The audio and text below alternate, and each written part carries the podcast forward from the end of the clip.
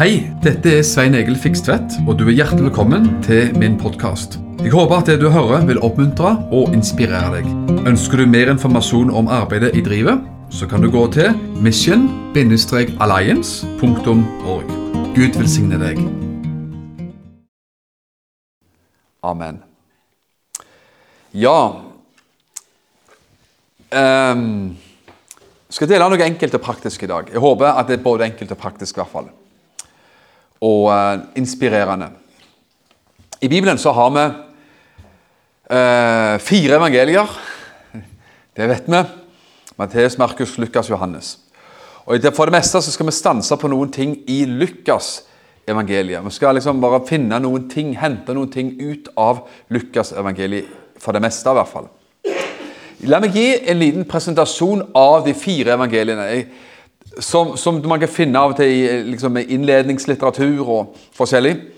For de har forskjellig preg, alle disse evangeliene. Det, det skjønner man. Og Hvis vi kjenner evangeliet en del, så skjønner man at Matteus, Markus, Lukas på, på, på en spesiell måte har veldig mye likt.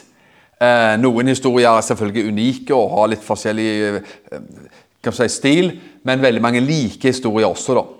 Men Matteus-evangeliet det, det kalles ofte for oppfylte, de oppfylte profetiers evangelium.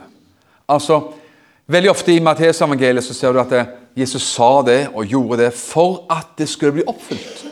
Det som står skrevet hos, eh, hos eh, Jesajas, f.eks. Altså, skrevet til publikum som kjente Det gamle testamentet, jødene. Og Derfor er det forklart at Jesus sa det og gjorde det for at det skulle bli oppfylt. Og Det vet vi at Jesus gjorde igjen og igjen og igjen. Han oppfylte de gammeltestamentlige profetiene og skriftene. Så er det Markus. Markus' evangeliet er mye mye kortere. da, Det er bare 16 kapitler, mens Matteus er 28. Og så har du dette med Markus, som eh, man regner, regner som et, eh, et evangelium som ble skrevet og retta mot ikke-jødiske tilhørere. Hedninger, med andre ord. Og Der er Jesus i større grad også presentert som han som gjør under og tegn, helbreder, han som gjør mirakler. Helbrederen og undergjøreren Jesus. I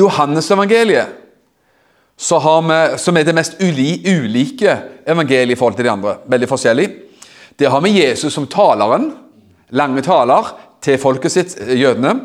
Han var underviseren, læreren og teologen, om du vil. Han underviste og var veldig sånn i teologisk eh, modus. Han prekte og, og delte på en helt annen måte, og du finner ikke så mange helbredelseshistorier i Johannes evangeliet. Noen, selvfølgelig. Og Så har du Lukas. da, det er den, Jeg tror Lukas er slutt her, for det er den vi skal stanse mest opp med. Lukas, der åpenbar, også der er det helbredelser og mye fint av alle ting. Men i Lukas-evangeliet så åpenbares Jesus med større tyngdepunkt som tolleres og synderes venn. Og det har jeg lyst til å snakke litt om i dag. Jesus, ikke i dag som helbrederen, det er han også, vi vet jo alt det. Og det viktigste av alt er at han døde på korset for vår synd og skyld. Men i Lukas åpenbares Jesus, er det noen historier som er unike bare for Lukas-evangeliet. Der han altså presenteres for, som tolleres og synderes venn. Og Det er en fantastisk tittel. At vår frelser han er tolleres og synderes venn. Nå er det ikke så mange tollere nå til dags på samme måte, men, men man skjønner likevel, om man kanskje må komme innom eh, historien om Sakkeus, at han, eh, Sakkeus var jo eh, han var korrupt. Han var toller, han var en snylter, han var en småkjeltring. Han eh, sopte inn penger under bordet. Og så jobbet han også for eh, romerne, så han jobbet jo for eh, okkupantene i landet. Så han var en liten sånn en quisling-type, for å si det sånn. Men så er det et vers da i Lukas 1910 så jeg har lyst til kanskje på at vi har som en slags overskrift også. Og Det er så fantastisk, og det har jeg bare merka av i notatene mine med rød skrift. altså. For menneskesønn er kommet for å søke og frelse det som var fortapt. Det er, det er Jesus i Lukasevangeliet. Han kom. Ja, Men hvorfor kom Jesus? Jo, vi vet han kom for å dø på korset, ta vår synd og stå opp igjen. Det vet man. Men her er det formulert på denne måten. Han kom for å oppsøke, for å søke mennesker som var fortapt, og for å frelse dem. Og Da har jeg lyst til å ta deg med og skal prøve å passe på tida også, vet du, så vi ikke snakker så langt bort. Men vi skal ta noen hendelser fra Lukasevangeliet. Og skal ikke slå det opp, jeg skal ta det mer i stikkordsform fra notatene mine her. I Lukas 7, fra vers 36, så finner man denne nydelige historien om fariseeren og den prostituerte kvinnen. Synderinnen, som gjerne kalles. Men hun var prostituert. Og Det er jo en fantastisk historie om når Jesus ble invitert til en fariseer. Han var religiøs. Han var liksom en åndelig leder. In, eh, Jesus ble invitert i hans hus, fariseeren Simon. Og eh, Der ser du jo noe utrolig. Det kom det altså ei dame snikende inn i, selv, i, det gode selskap. Og hva skjer? Jo, hun begynner jo å eh, gråte framfor Jesu føtter. Hun vasker Jesu, gråter ved føttene hans, vasker Jesu føtter med håret sitt. Ganske spesielt. Tørker hår, føttene hans med sitt hår. Og Da skjønner du at det er en veldig spesiell Bare se for deg hvordan det skjer. At det må ha vært en kanskje litt beklemmende og for noen pinlig opplevelse. At den dama som alle tydeligvis skjønte hva slags liv hun hadde levd, kommer og gjør egentlig ikke noe annet enn å bare gråte og, og ved Jesu føtter. Og tørke da føttene ved, med håret sitt. Og kyss, ikke bare det, men til og med kysse hans føtter. Og i hvert fall Fariseeren Simon, antagelig hele gjestebudet, sitter og er målløse og bare måper og tenker Hva i all verdens slags opplegg er dette her? Og Simon han tenker sitt, han tenker at hvis denne Jesus er en profet, som uh, mange trodde, og som Jesus også han var og, og, og, og, fungerte som. Han var også Guds sønn, og alt det der, men han var profet også. Så tenker jo Simon at hvis Jesus var en virkelig profet, altså, ja, da visste han hvem, hva slags type person som er foran han. Men Jesus visste jo alt. Men han sa også noe, da. Så sier han til Simon at du Simon, når jeg kom inn i ditt hus, så fikk jeg ikke, jeg fikk ikke noe fat med vann til å vaske føttene mine. Ingen som vasker føttene mine. Ingenting sånn. Men denne dama hun har til og med vaska føttene mine, ikke med vann engang. Ikke med et vaskevannsfat, men med sine egne tårer.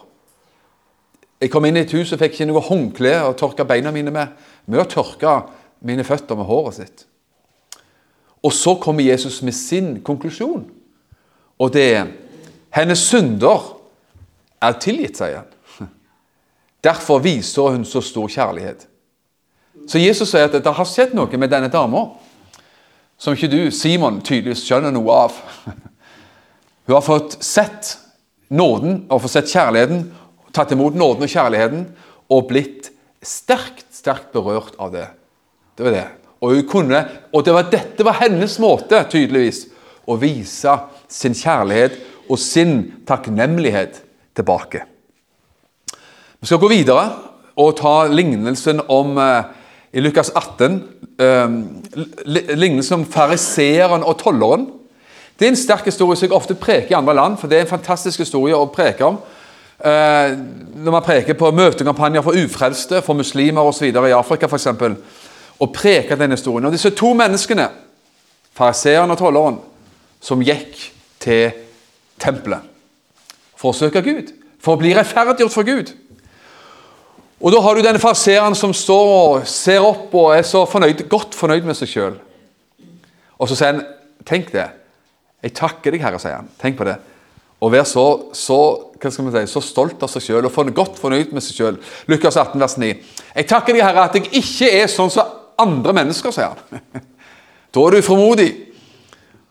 Og så sier han, 'Herre, jeg takker deg for at jeg ikke er som alle andre mennesker', men jeg ber mine bønner, sier han. Jeg gir min tiende. Jeg gir til de fattige.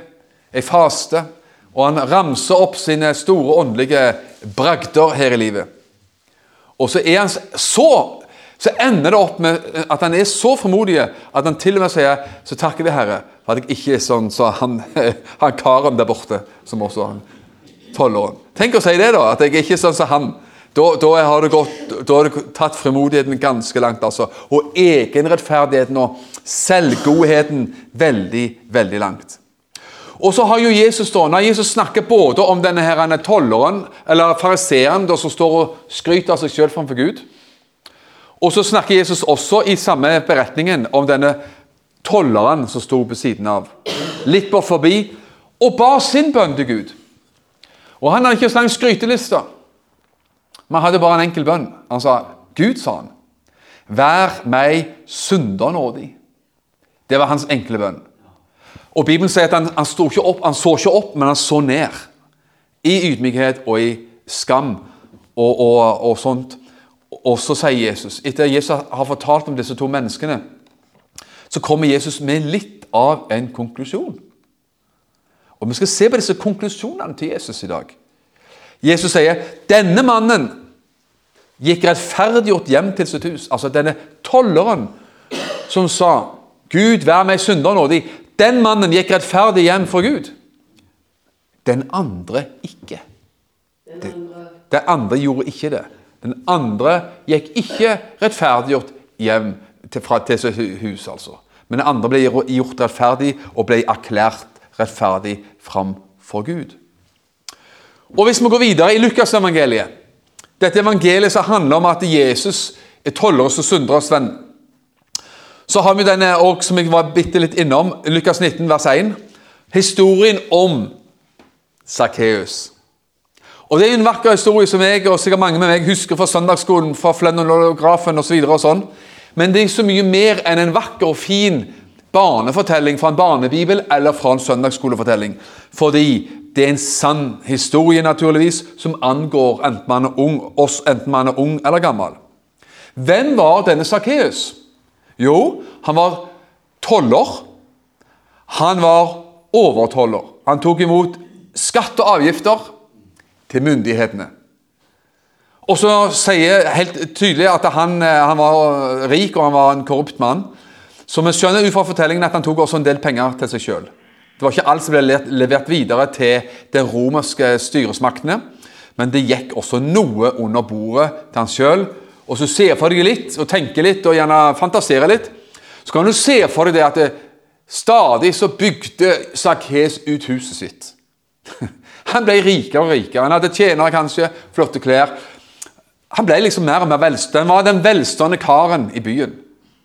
Så tenker folk at denne fyren her, tolleren iblant oss, han som tar inn penger for oss, tar inn skatt og avgifter fra oss og gir det videre Det var da merkelig at han stadig må bygge ut huset og bli rikere og rikere, mens vi ble fattigere og fattigere. Så de må ha skjønt noe. Og han var upopulær blant folk. Men Han var forakta. Men vet du hva? Denne Sakkeus, som var korrupt, berika seg sjøl Han var selvfølgelig korrupt, og han også jobbet som sagt for okkupasjonsmakten, romerne, og var forakta og hata, og dårlig likt på alle vis. Han, sier Sønnemann, var en lengtende og søkende person. Han var en lengtende og han var en søkende person som gjerne ville se Jesus. Som gjerne ville møte Jesus, som gjerne ville oppleve Jesus åpenbart. Fordi at han var liten vekst, når han visste at Jesus kom forbi i området, så fikk han eh, klatre opp i et morbærtre for å kunne få god utsikt og få lov til å se i hvert fall Jesus eh, gå forbi, i det minste. Og så kjenner vi denne nydelige historien hvordan Jesus stanser nøyaktig ved dette treet og sier 'Sakkeus, kom ned', sier han. Kan du skjønne og se at det, hvordan folk begynner å mumle og murre og bli irritert?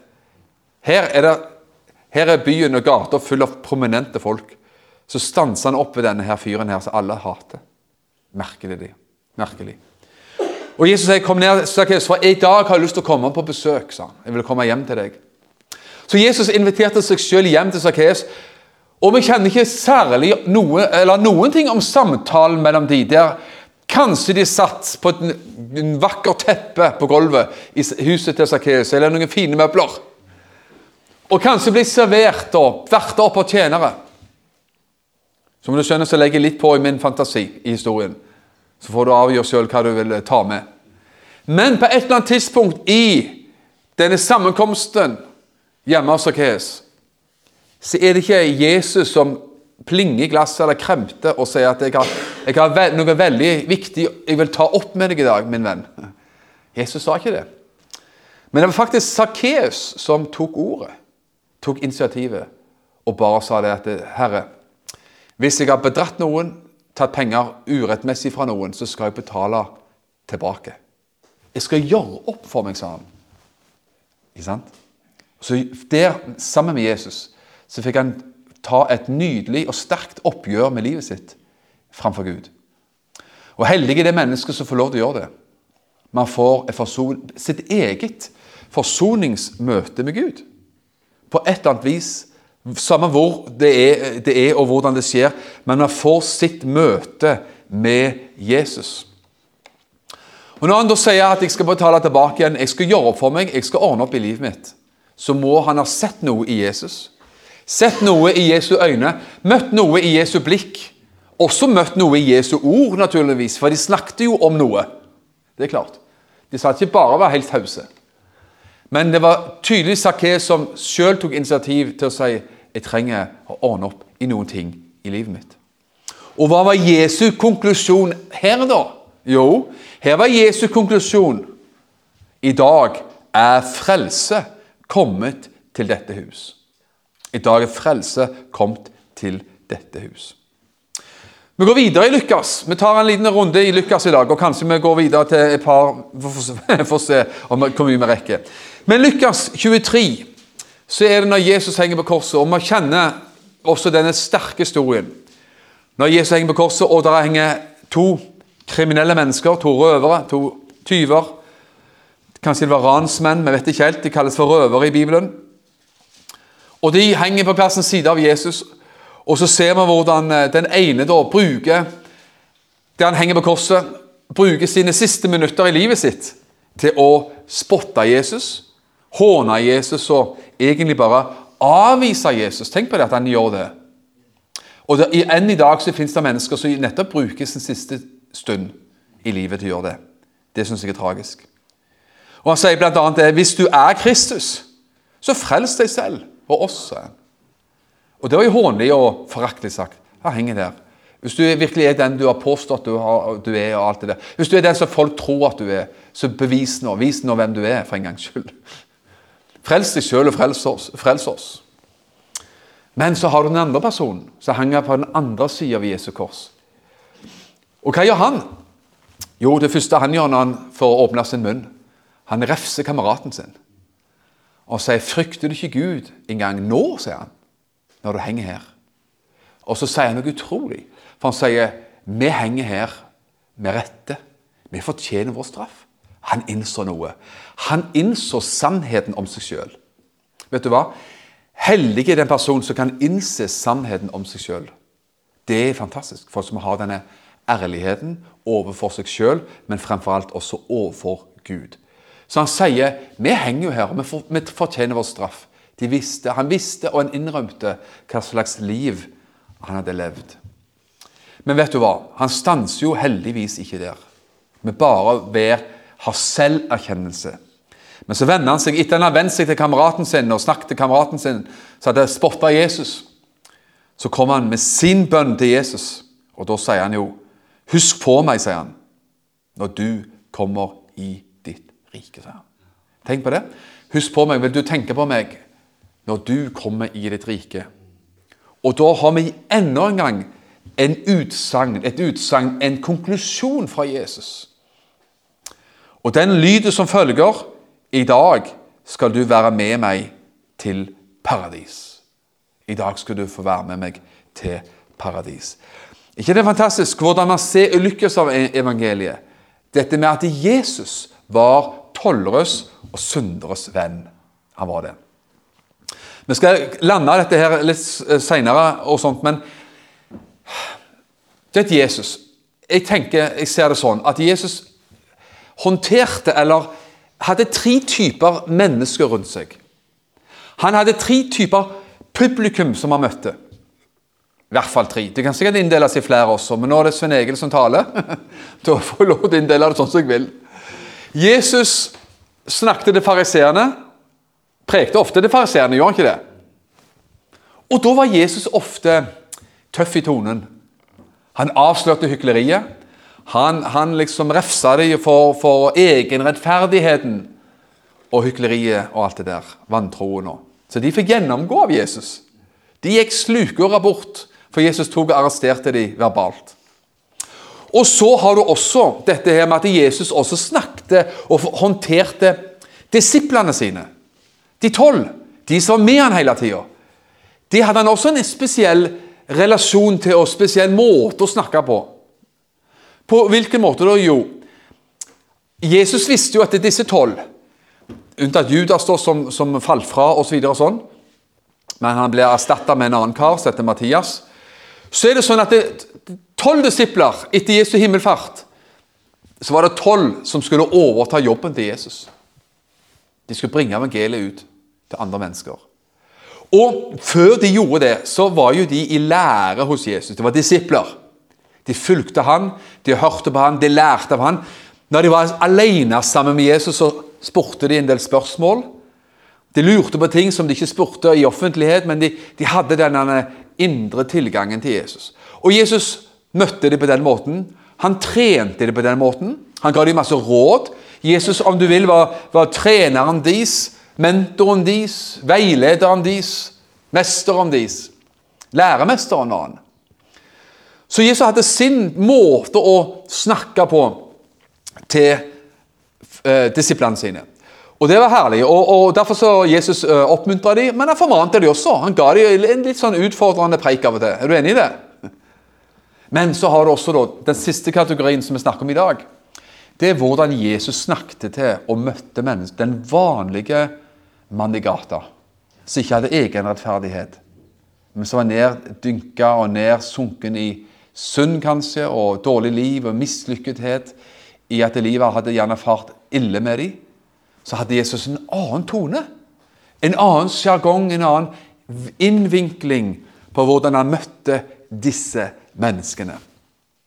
Derfor så ser vi at Jesus han var forskjellig. og Han hadde av og til både ris og ros. Han hadde refs og, og, og, og formanende ord til mange. Men når du møter og Jeg syns det er viktig å se det der. At når vi finner disse historiene i Bibelen, hvordan Jesus møtte enkeltmennesker det er ikke så veldig mange historier. Det er en god håndfull.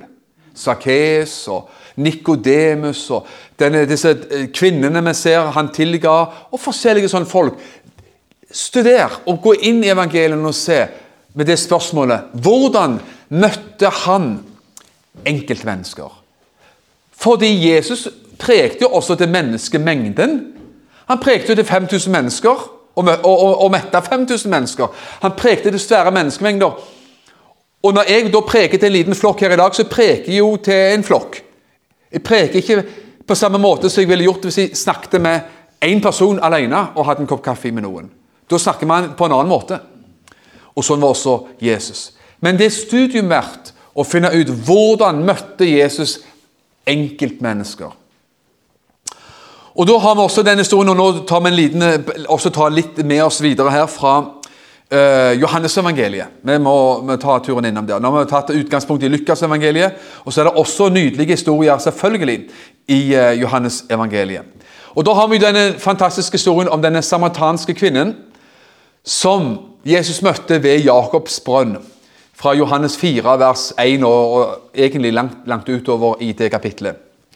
Og Vi kjenner jo det at Jesus var alene ved brønnen, for disiplene dro inn i byen for å kjøpe mat. Og Jesus sitter der og venter, og der kommer det altså ei dame eh, som ville ha opp vann midt på eh, den varmeste eh, tiden på dagen. Og Jesus han, eh, sier, han, spør om vann. Kan jeg få litt vann? Kan du heise opp litt vann til meg? sier han. Og denne dama med en gang blir forundra og blir overraska og tenker hvordan kan en jødisk mann Hun var samaritan, de var forskjellige, de omgikk seg ikke hverandre, det var avstand, avstand mellom dem forakt mellom de. Men der tenker jeg at her er det en mann som åpenbart er jøde, og som spør, tar initiativ til en samtale.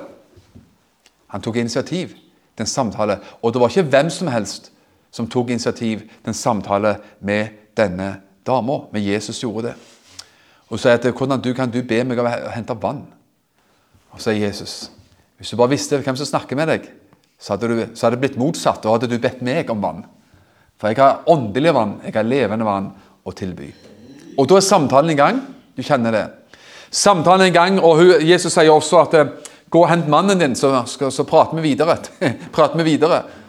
Og da sier dama jeg har ingen mann. Det stemmer, sa Jesus, for du har hatt fem menn, og han du nå har, er ikke din mann. Og Da er samtalen i gang.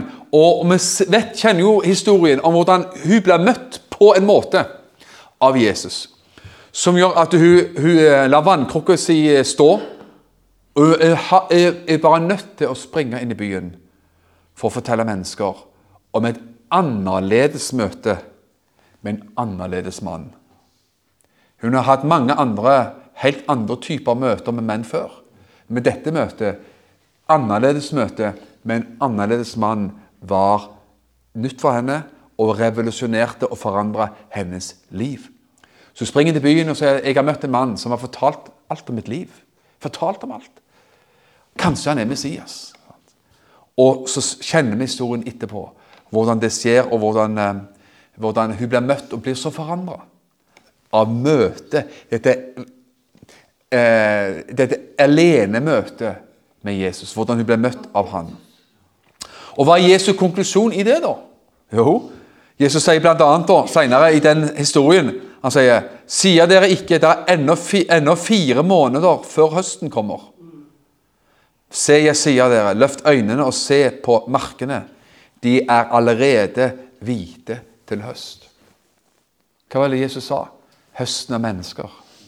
Det er mennesker som er klar til innhøstning. Har vi lett for å spørre om det? Har vi lett for å si kanskje om ti år så har vi vekkelse?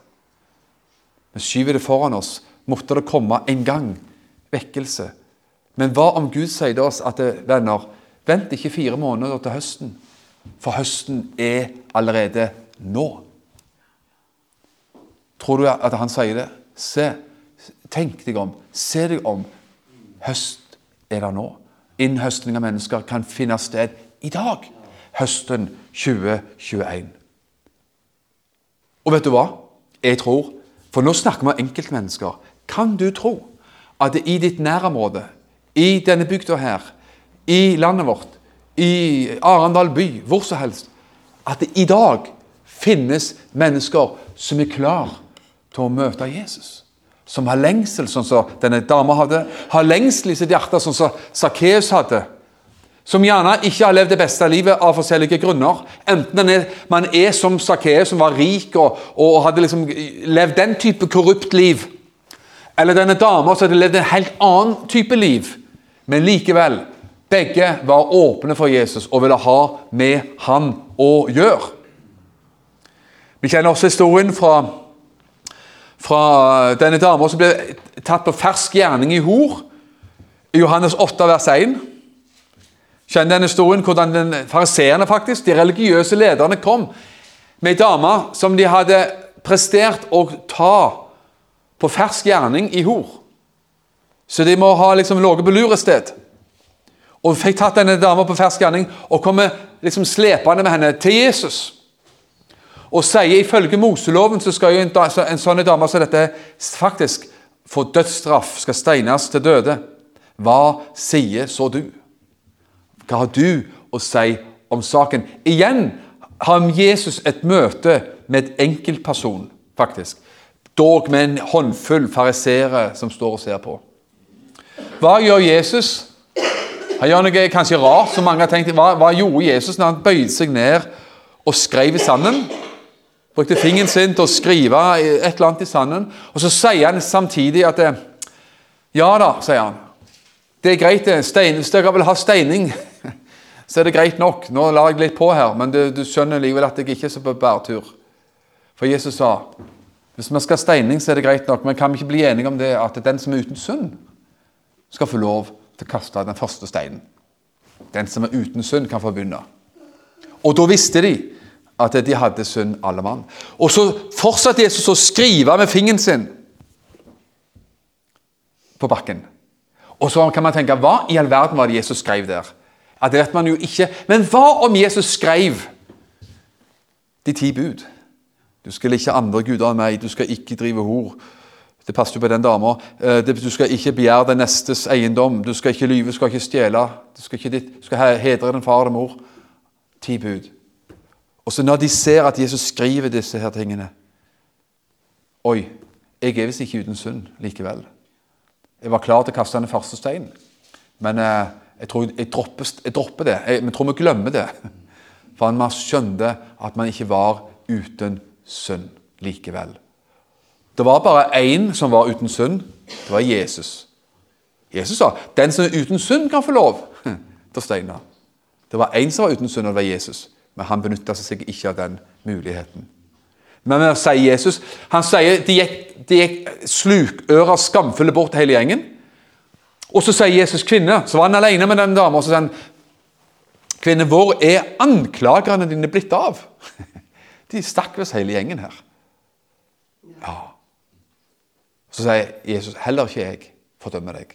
Gå bort og synd ikke mer fra nå av. Og det er Jesu konklusjon.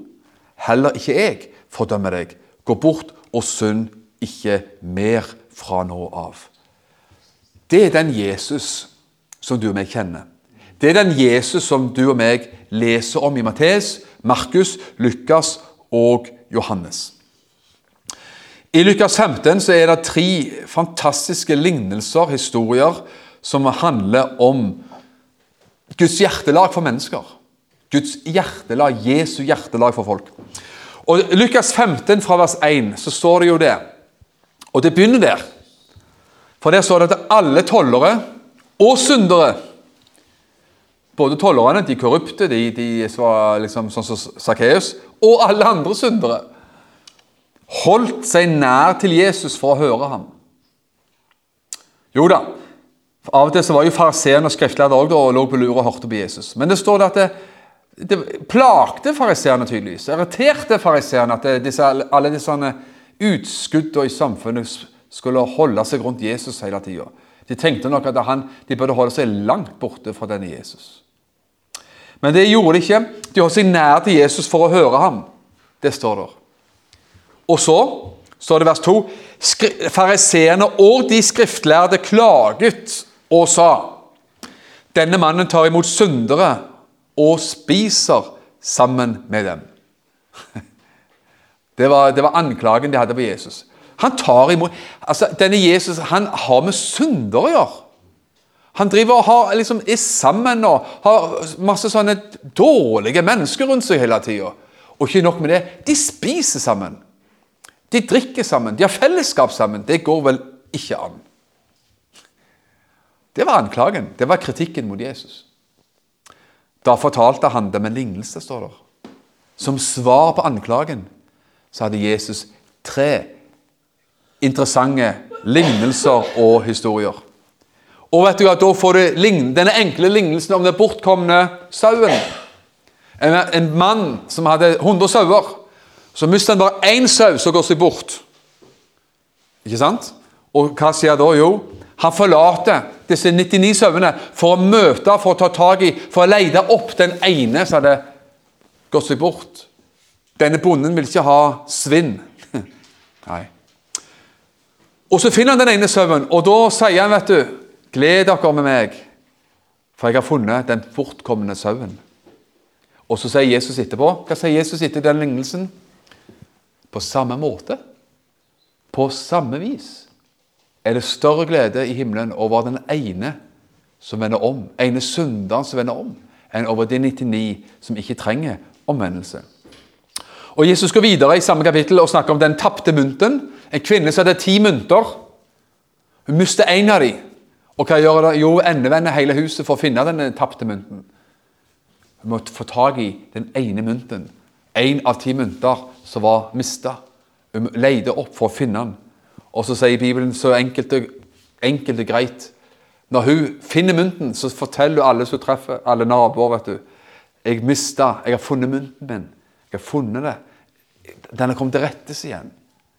På samme vis, sier Jesus, skal det være større glede i himmelen blant Guds engler over én synder som vender om, enn over de 99 som ikke trenger omvendelse. Og Til slutt så kommer Jesus også med denne her, lengre historien om den bortkomne sønnen som dro bort fra farshuset, dro bort fra gården, fikk en forskudd på arv, dro av gårde og sløste det bort i sus og dus. Og kommer trist, nedbrutt og konkurs tilbake igjen seinere og ber om nåde. Og får nåde. For å gjøre en lang historie nokså kort. Han kommer der og jeg er ikke verdt engang til å kalles en sønn. Men kunne jeg få lov til å bli bare en leiekar, en, en tjener på gården, som gjerne bor i utkanten en plass. Men denne faren på gården sier, 'Du er min sønn. Du var borte. Du er kommet tilbake igjen. Du var død, men har blitt levende igjen.' Du ser tollere Og disse tre lignelsene, sauene, myntene og den bortkomne sønnen, er alle lignelser og historier som Jesus brukte for å svare på anklagene, svare på kritikken som fantes mot Jesus. At denne mannen er altfor mye sammen med syndere. Og Senere så ser vi også at Jesus igjen og igjen kalles for tolleres og synderes venn. Han kalles for tolleres og synderes venn. Nå skal vi lande dette her, for dette jeg har lyst til å spørre. Igjen, Jeg vil bare oppmuntre deg sterkt til å selv lese alle disse historiene i Bibelen om Jesu møte med enkeltmennesker. Fordi Mitt spørsmål er dette er fine historier, det er rørende historier, det er sterke historier, det er alt. Men burde ikke det gjøre noe med oss? Hvordan vi er. Hvordan vi er overfor andre mennesker. Ja. Skal, du få et, skal du få et skriftsted her? Første Korinterbrev 10.27. Nå er vi i Korinterbrevet plutselig. Du skal få det som en slags eh, poeng her. Første kor 10.27. Henta litt ut fra liksom en, en, annen sammenheng, men det verset står godt på egne bein likevel. Hvis noen av dem, står der, som ikke tror hvis noen av mennesker rundt deg som du kjenner, som ikke tror Kjenner du noen som ikke tror? Tror det. Hvis noen av dem som ikke tror, inviterer dere til et måltid, og dere vil gå dit, så spis det som blir satt fram for dere. Still ingen spørsmål for samvittighetens skyld. Og dette, I denne sammenhengen handler det om avgudskjøtt osv. Så sånn, altså kjøtt som var ofra til avguder. og forskjellig sånn. Det, det, er jo en problematikk som vi ikke har i vår del av verden, og det er vi jo klar for. sant? Men likevel, så skjønner vi verset her. Hvis noen som ikke tror, inviterer dere til et måltid Jeg vil så bruke det verset og spørre deg og meg. Er det noen, noen gang som ikke tror? Kjenner du noen som ikke er troende, som inviterer deg hjem til seg noen gang? Det var spørsmålet. Eller må du egentlig innrømme og si nei? de som inviterer meg hjem til et selskap, til, til en lørdag kveld, til en fredag kveld, til, til en hyggelig samvær, det er bare folk som tror. Det var tydelig at det var vanlig i korintermenigheten at det var folk som ikke tror, som inviterte troende hjem til seg. Nå ble du og meg invitert hjem av, av ikke-troende mennesker. Eller sagt på en helt annen måte Når var sist gang du inviterte en ikke-troende hjem til deg sjøl. Jesus gjorde jo det. Jesus ble invitert hjem til Sakkeus. Jesus spiste med toller og syndere. Hvorfor skulle ikke du og meg også gjøre det? Det er det som er veien til at mennesker skal få se Jesus gjennom deg og meg. Dere er verdens lys, sa Jesus. Vi liker å si at Jesus er verdens lys, og det er han. Det er han. Men det står også i den samme Bibelen at dere Jesus sender den tilbake til oss og sier dere er verdens lys. Hvis noen ufrelste da skulle invitere deg eller meg til et måltid hjem til seg sjøl, ville du da sagt ja? Eller ville du sagt nei, det, de er ikke troende. Vi vet, jo, vi, vet, vi vet, ikke hva de kommer til å si. Vi vet ikke hva de kommer til å gjøre. Vi vet ikke hva de kommer til å sette fram. Jesus gikk hjem til ikke-troende. De kristne i Korint gikk hjem, sa ja til å bli invitert av ikke-troende. Er ikke det livet du og meg har i Kristus Jesus, mye større og sterkere enn at vi skulle liksom bli ført til fall bare ved å omgås mennesker som ikke tror? Er ikke det livet vi har fått i Kristus, mye, mye bedre og større enn som så? Et annet vers Nå snakker vi litt ransakende enn oss her, for jeg tenker på hvordan skal vårt liv se ut i denne verden? Med verdens lys. Ønsker vi at folk skal bli frelst? Hvordan ble du frelst? Var det noen som tok kontakt med deg før du ble frelst? Så inviterte de med selvfølgelig sikkert et møte. Så inviterte jeg, Men kanskje før noen inviterte deg til et møte en gang, hvis du ble frelst på den måten. Kanskje de inviterte deg hjem til seg sjøl. Kanskje de inviterte deg hjem til noe sosialt, noe hyggelig. Noe, noe, altså Du hadde kontakt med dem på forhånd. Antagelig så var det sånn. I 1. Timotees 3,7 så står det der når du skal velge leder i en menighet, altså folk som har tillitsverv, lederverv i en menighet Hva det står i 1. Timoteus 3,7? Han må ha godt vitnesbyrd blant dem som er utenfor. Har du og meg et godt vitnesbyrd? Godt omdømme blant de som er utenfor? Bibelen legger vekt på det. Ha godt vitnesbyrd blant dem som er utenfor. Har du naboer som gir deg et godt vitnesbyrd og sier at oh, min, min, kristne nabo er en, en, fantastisk god mann, god kvinne, fine folk. Hjelpsomme naboer, snille og greie, vennlige. Ja.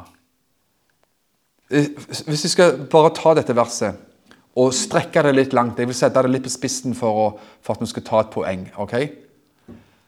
En leder i menighet, Når du velger en leder i en menighet, eldstebrødre eller hva man kaller det, styremedlem, pastor, skal ha godt vitnesbyrd blant dem som er utenfor. Da har jeg lyst til å si det på den måten. Når, noen skal velges til et verv i menighet, så har vedkommendes nabo noe, no, nabo noe de skulle ha sagt. vedkommendes kollegaer på jobb skulle ha noe, de har, skulle ha noe å si på saken. De skulle få lov til å være med og stemme folk inn, for å si det sånn. Kan du se det? Hvor viktig det er, hvor godt det er, hvor dyrebart det er å et godt vitnesbyrd blant de som er utenfor. Hadde Jesus det? Hadde Jesus det? Det at Jesus ble kalt for toller og synderes venn, det var fariseerne som kalte Jesus for det. Og de mente jo det er kritikkverdig og hånlig. Han der er Jesus som liksom skal være en profet, liksom skal være Guds sønn og liksom være noe sendt fra Gud, så driver han om, han driver omgås med sånne usle folk. Hva slags tull er det? Men ellers så kan vi se at dette var et kompliment. Jesus var venn med toller og syndere, og det fungerte veldig, veldig godt. Det fungerte veldig, veldig godt i Sakkeus sitt tilfelle. Det fungerte utrolig godt i disse kvinnene sitt tilfelle som ble grepen på fersk gjerning i hor, og kvinnen ved eh, Jakobs brønn osv. Det fungerte aldeles utmerket Jesu omgang med dem der ute. Hvordan fungerer din og min omgang med de der ute? Mot slutten her så har jeg lyst til å spørre bare igjen Vi vet at vi begynte kanskje positivt der og snakket om Jesus. Han var så god og snill. Ja, det, og alle sier 'Å, prise Gud, ammen'. Og 'Er det ikke godt? Er det ikke fint?' Ja, det skal jeg si deg at det er. Men nå snakker, mot slutten her så snakker vi ikke om Jesus. Vi snakker om deg og meg. Det blir verre igjen nå. Det blir mer uh, tyngre materiale. Men vi trenger også å snakke om deg og meg. Vårt liv. Han er vårt forbilde.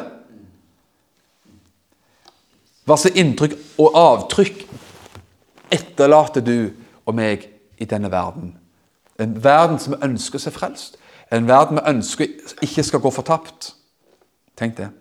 Hvis bare 80% av alle kristne kunne være greie folk, så kanskje verden ville vært et bedre sted. Om åtte av ti kristne jeg skulle ønske det var ti av ti kristne, da, men la oss, la oss slå ned litt på kravene. Hvis åtte av ti kristne kunne vært en god nabo, en god kollega, et godt medmenneske, så kanskje det kunne forandre ganske mye. Venner, la oss leve et liv som er troverdig i forhold til evangeliet. Det går ikke an å leve et perfekt liv i forhold til evangeliet. For det, det perfekte, fullkomne liv, syndefrie livet, fins ikke på denne siden av evigheten. Men kan vi leve et troverdig liv? Et sant liv? Et ekte liv som gjør at når mennesker har møtt meg, og mennesker har møtt deg På jobb, i nabolag, i slekta, der du treffer mennesker Kan de si om deg og meg at eh, du verden, den personen Eller de vil føle det sånn i hvert fall at det, når de har møtt Svein Egil, så kjenner de seg mer verd når, når jeg har vært sammen med dem, enn når jeg eh, ikke var sammen med dem. Altså Etter jeg har prata med noen, vil de føle at de sitter igjen med en følelse av verdi. En følelse av respekt. Eller vil de ikke det? Vil de føle seg nedtrykt eller oppløfta etter de har prata et kvarter med meg og deg? Har du gitt dem verdi? Har du gitt dem verdighet? Har du, har du gitt dem respekt? Ditt og mitt liv taler sterkt. Og folk følger mer med våre liv enn det vi tror. Hvis de vet at du er en kristen, så følger de med deg i øyekroken. De følger med på vårt liv. Og vet du hva? Tradisjonelt sett kanskje det er sånn. Tradisjonelt sett så kanskje vi har vært flinke som kristne på å være, opptatt av god moral, god etikk. Man skal ikke stjele, man skal ikke lyge, man skal ikke drive hor, man skal ikke bruke alkohol. Man skal være, ha en plettfritt og fint liv. Og vet du hva? Ingen av oss har noe imot det. Det anbefales til og med. Anbefales. Men kan du tro at det går an å ha en plettfri ytre moral uten å ha Jesus sinnelag? Går det, går det an? At jeg, Svein Egil Jeg skal bruke meg selv som eksempel. så at Svein Egil er, har liksom alle disse moralske punktene i orden i livet sitt. Likevel. Jeg drikker ikke, og jeg lever ikke i hor, og jeg stjeler ikke heller, og betaler skatten min, og alt liksom er ryddig og fint. Men opplever mennesker rundt meg Svein Egil som en ufordragelig person. Usympatisk, intolerant, uvennlig, avvisende. Ja, men jeg har jo moralen på plass. Jeg driver ikke hore. jeg stjeler ikke. Nei, men hva med Har man også Kristi sinnelag i livet? Mon tro om folk ser like mye på det, eller mer på det, enn alle de andre ytre tingene man ofte legger vekt på. Fariseerne de la vekt på ytre ting. Jesus refsa de. Dere gjør kar, far, karene, redskapene, reine på utsiden, sa, sa Jesus. Men innvendig, hva med det? I Mattes 23 så har Jesus en lang liksom, kjeftetale, refsetale, igjen overfor de egenrettferdige fariseerne. Det hadde han faktisk. Og vet du hva det går i veldig mye? Farisere, sier han. Dere er så opptatt av alt det ytre hele tida. Ytre ditt og ytre datt. Dere gir tiende, vi overser kjærlighet. Dere er opptatt av de ytre fasaden, ber lange, fine bønner for syns skyld. For at det skal se så fint ut. Jeg har ikke noe imot at vi ber offentlig. Jeg skal gjerne be avslutte med en bønn etterpå. Men ser du, vi gjorde det for å bli sett, respektert av mennesker. Men hva med innsiden, sa Jesus. Og vet du hva? Det er noe helt enormt med Guds nåde, evangeliet og Guds kjærlighet. For det borer inn og tar innsiden først. Det tar innsiden først. Og er det ikke vakkert når et menneske kommer til Jesus med sitt liv, hele sitt liv, og gjerne med sitt rufsete og bulkete liv, og blir sakte, men sikkert forandra fra herlighet og til herlighet. Det er nydelig. Jesus' sinnelag, mildhet, respekt, evne til å samarbeide. De kristne burde være de som var lettest å samarbeide med på jobben. Ikke de mest vrange og firkantede og vanskelige og vrange. Også i nabolaget og overalt. Vårt liv for Gud, hvor viktig er ikke det? At Jesus kan, vi kan få lov til å leve et frimodig og troverdig liv i hverdagen. Mennesker ser ikke etter din og min perfekthet, men de ser etter vår ekthet. Er du enig i det? De ser mye Det gjør du også, hvis du er ærlig med deg sjøl. Du kan, du kan selv kjenne mennesker som du kan tenke i ditt sinn eller si det. At han eller henne er liksom ikke de mest perfekte i det ytre og har alt liksom fullstendig bestell i livet. Men for en grei person. For en ærlig person. For en jovial, og for en folkelig, for en ålreit person det er li, likevel. Nå tror vi på at vi skal mest mulig være troverdige i, i alle ting, både innsiden og utsida. Men vet du hva? Innsiden er der Gud jobber, og Gud jobber fra innsiden og ut. Sånn var Jesus med mennesker. Kvinnene Alle, alle historiene vi har lest nå. Han gjorde noe på innsiden som fikk resultater og konsekvenser på utsiden. Sakkeus, som fikk møte noe i samtalen med Jesus. Kanskje bare, kanskje Det viktigste for Sakkeus, det som gjerne rørte mest for han, det var når Jesus sa Kom ned av treet, Sakkeus. Jeg har lyst å komme hjem til deg og besøke deg. Kanskje var det det som gjorde det. For vi vet ikke så mye mer om samtalen han hadde med Sakkeus, faktisk. Vi, faktisk, vi vet ingenting om det. Men det vi finner fra samtalen inne i huset til Sakkeus, ja, det er jo hva Sakkeus sier. Hvis jeg har lurt og bedratt noen, så skal jeg betale tilbake sa han.